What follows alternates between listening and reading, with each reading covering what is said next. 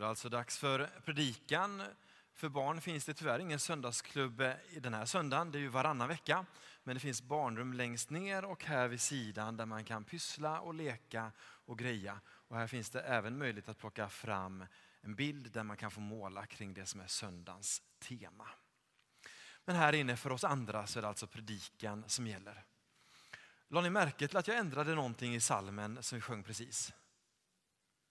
Var det någon som insåg där? Jag tror att jag hörde några sjunga rätt där jag hade ändrat så att det blev fel. Men jag ändrade fel för att jag tycker det är bättre med min ändring än psalmförfattarens original. Det vet jag inte om alla håller med om, men eh, kanske. Vi sjöng psalm 217 och där går slutet så här. Vad du vill är helighet.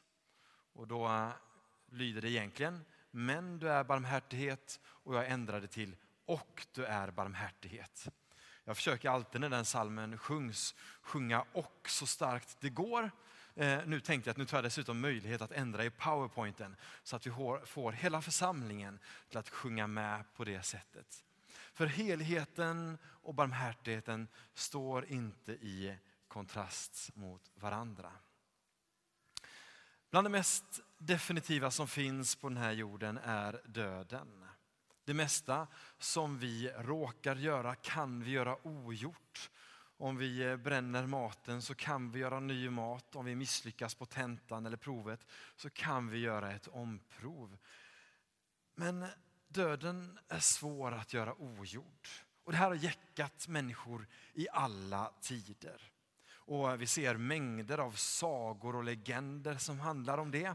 Hur man letar efter ungdomens källa eller den magiska drycken som kan ge en evigt liv. Eller Snövit som dör och som bara kan återuppstå av den magiska kyssen och så vidare. Det här återkommer överallt. Funderingar på döden och om det finns något mer efteråt. Och framförallt, går det att besegra döden eller är den definitiv? Så jag vill ställa frågan till oss. Vilken plats har döden i ditt liv? Tänker du på den? Känner du dig hotad av den? Och vad hotar oss i övrigt? Om vi tänker bort döden, utanförskap, kanske räkningar och räntor, oväder, olyckor, sjukdom. Genom alla tider så har människor dött och genom alla tider har människor funderat på detta med döden. Och I Gilgamesh-eposet så beskrivs det där i den här uråldriga texten hur gudarna skapade människan och så lät de döden vara människans lott och så behöll gudarna själva nyckeln till livet. Och vi som är bekanta med den kristna tron vet ju att den kristna tron gör en twist på det och gör det istället tvärtom. Att Gud tar del av dödens lott för att ge dig och mig nyckeln till livet. Jag minns ett tillfälle när jag låg och sov och jag hade en ångestfylld dröm. Den här drömmen gav mig så pass mycket ångest och det kändes i drömmen som att jag höll på att strypas. Det var såklart ingen i rummet som ströp mig på riktigt men känslan i drömmen var att nu håller jag på att strypas. Jag kommer inte loss.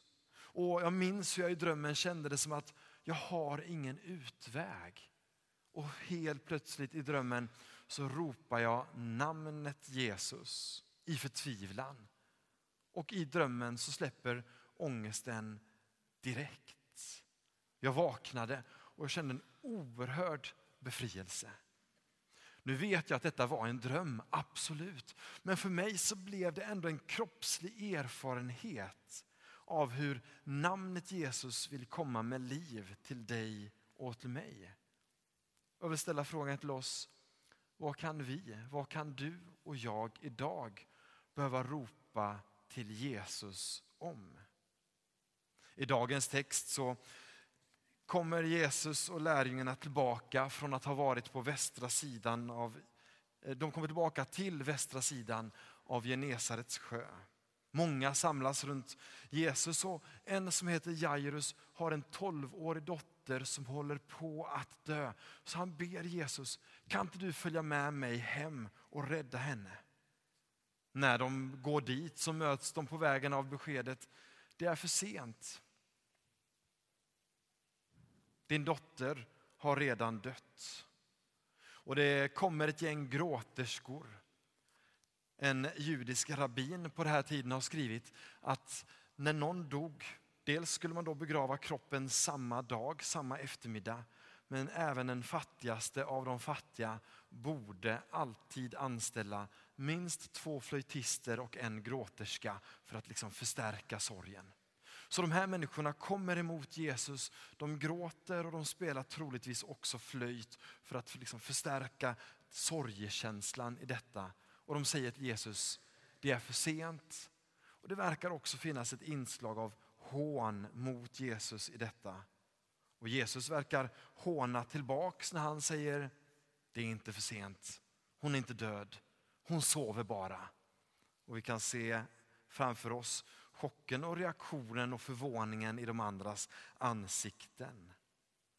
Det verkar som att sorgen hos de här betalda sörjarna inte var särskilt hjärtlig. Och Jesus tar med sig till dödsbädden sina närmsta lärjungar och flickans föräldrar. Vi har idag lyssnat på Markus evangeliet som troligtvis var en tolk till Petrus. Så vi hör alltså dagens evangelietext från Petrus egen skildring. Hur Jesus då går fram till den här flickan.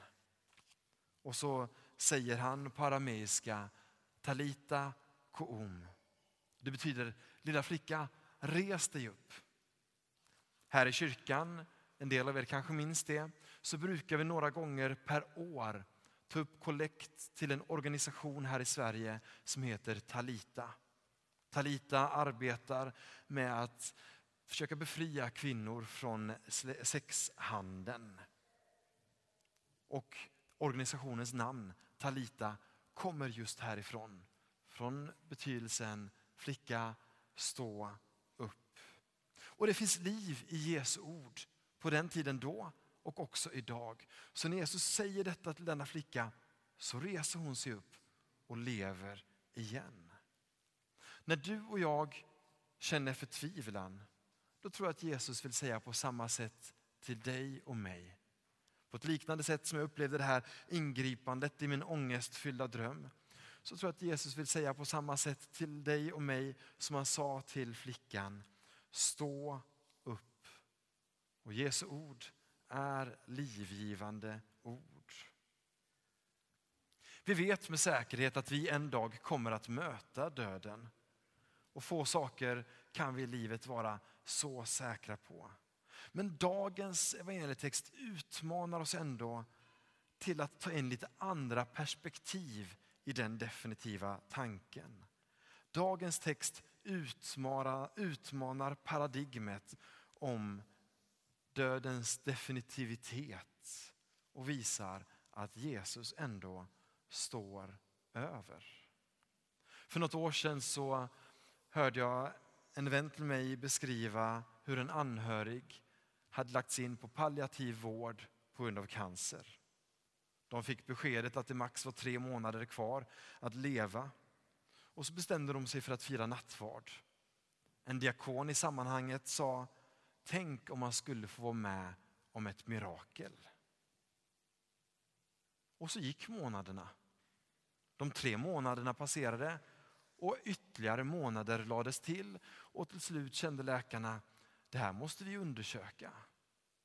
Så de gjorde en till undersökning och läkarens respons blev det här var inte bra. Det finns ju ingen tumör. Familjen tyckte såklart att det var jättebra och den här personen skrevs ut från den palliativa vården. De hittade ingen tumör. Och den här diakonen hade fått rätt i sin önskan. Tänk om vi fick vara med om ett mirakel. Nu är det inte alltid som det går så bra. Men när det gör det så blir det ändå en påminnelse till dig och mig tillsammans med dagens text, tillsammans med min erfarenhet från drömmen.